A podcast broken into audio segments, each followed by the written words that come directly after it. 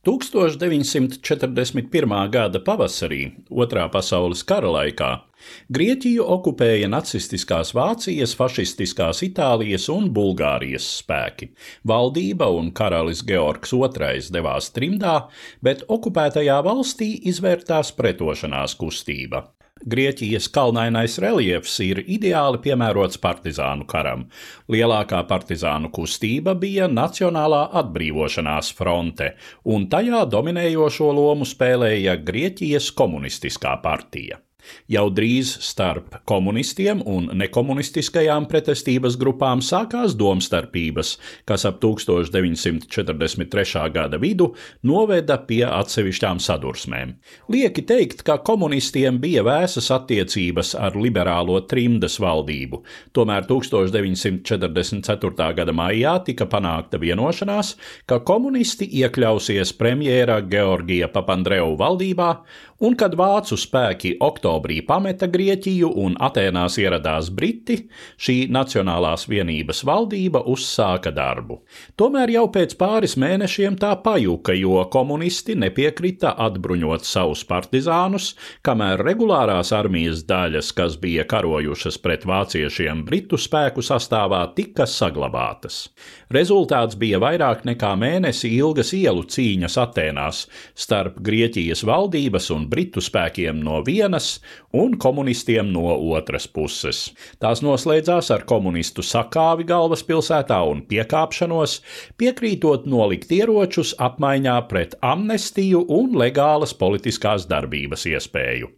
Tomēr nekāds galīgais izlīdzinājums netika panākts. No vienas puses komunisti pilnīgi neatbruņojās un boikotēja vēlēšanas, kuras notika 1946. gada martā. No otras antikomunistiskie spēki izvērsa pret daudziem komunistu aktīvistiem vajāšanas, gandrīz 1200 no viņiem nogalinot.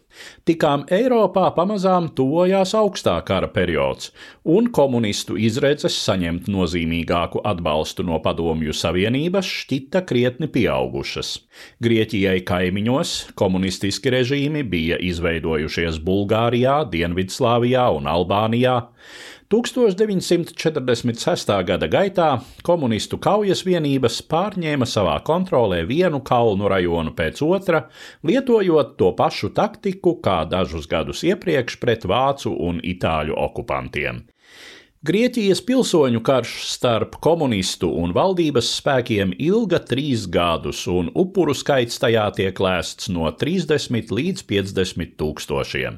Valdības armija rīkojās pietiekami apņēmīgi, tai bija skaitlisks un tehnisks pārsvars. Britus kā galvenos likumīgās Atēnu varas atbalstītājus nomainīja amerikāņi, cenšoties nepieļaut komunisma izplatīšanos vidusjūras reģionā. Padomju Savienība no savas puses samērā atturīgi atbalstīja savus grieķu biedrus, cik tālu nostiprināšanās Grieķijā īsti neietilpa Staļina strateģiskajos plānos. Daudz dedzīgāks grieķu komunistu atbalstītājs bija Dienvidslāvijas līderis Josips Bross Tito. Taču 1948. gadā Dienvidslāvu komunistu vadonim izcēlās konflikts ar Staļinu. Grieķu komunistiem nācās izšķirties, kurā pusē nostāties, un viņi izvēlējās Kremļa saimnieku, pēc kam Tito likvidēja tās augtās Grieķijas demokrātiskās armijas bāzes savā teritorijā. Ap to pašu laiku šī komunistu armija mēģināja iegūt kontroli pār vairākām lielākām pilsētām, lai kādā no tām izveidotu savu komunistiskās valdības galvaspilsētu. Šais mēģinājumos komunistu spēki nosiņoja, un 1949. gada vasarā valdības armija sakāva pēdējās demokrātiskās armijas vienības Grieķijas ziemeļrietumos. Augusta beigās pēdējie komunistu kaujinieki atkāpās pār robežu Albānijā, un Grieķijas pilsoņu karš bija noslēdzies.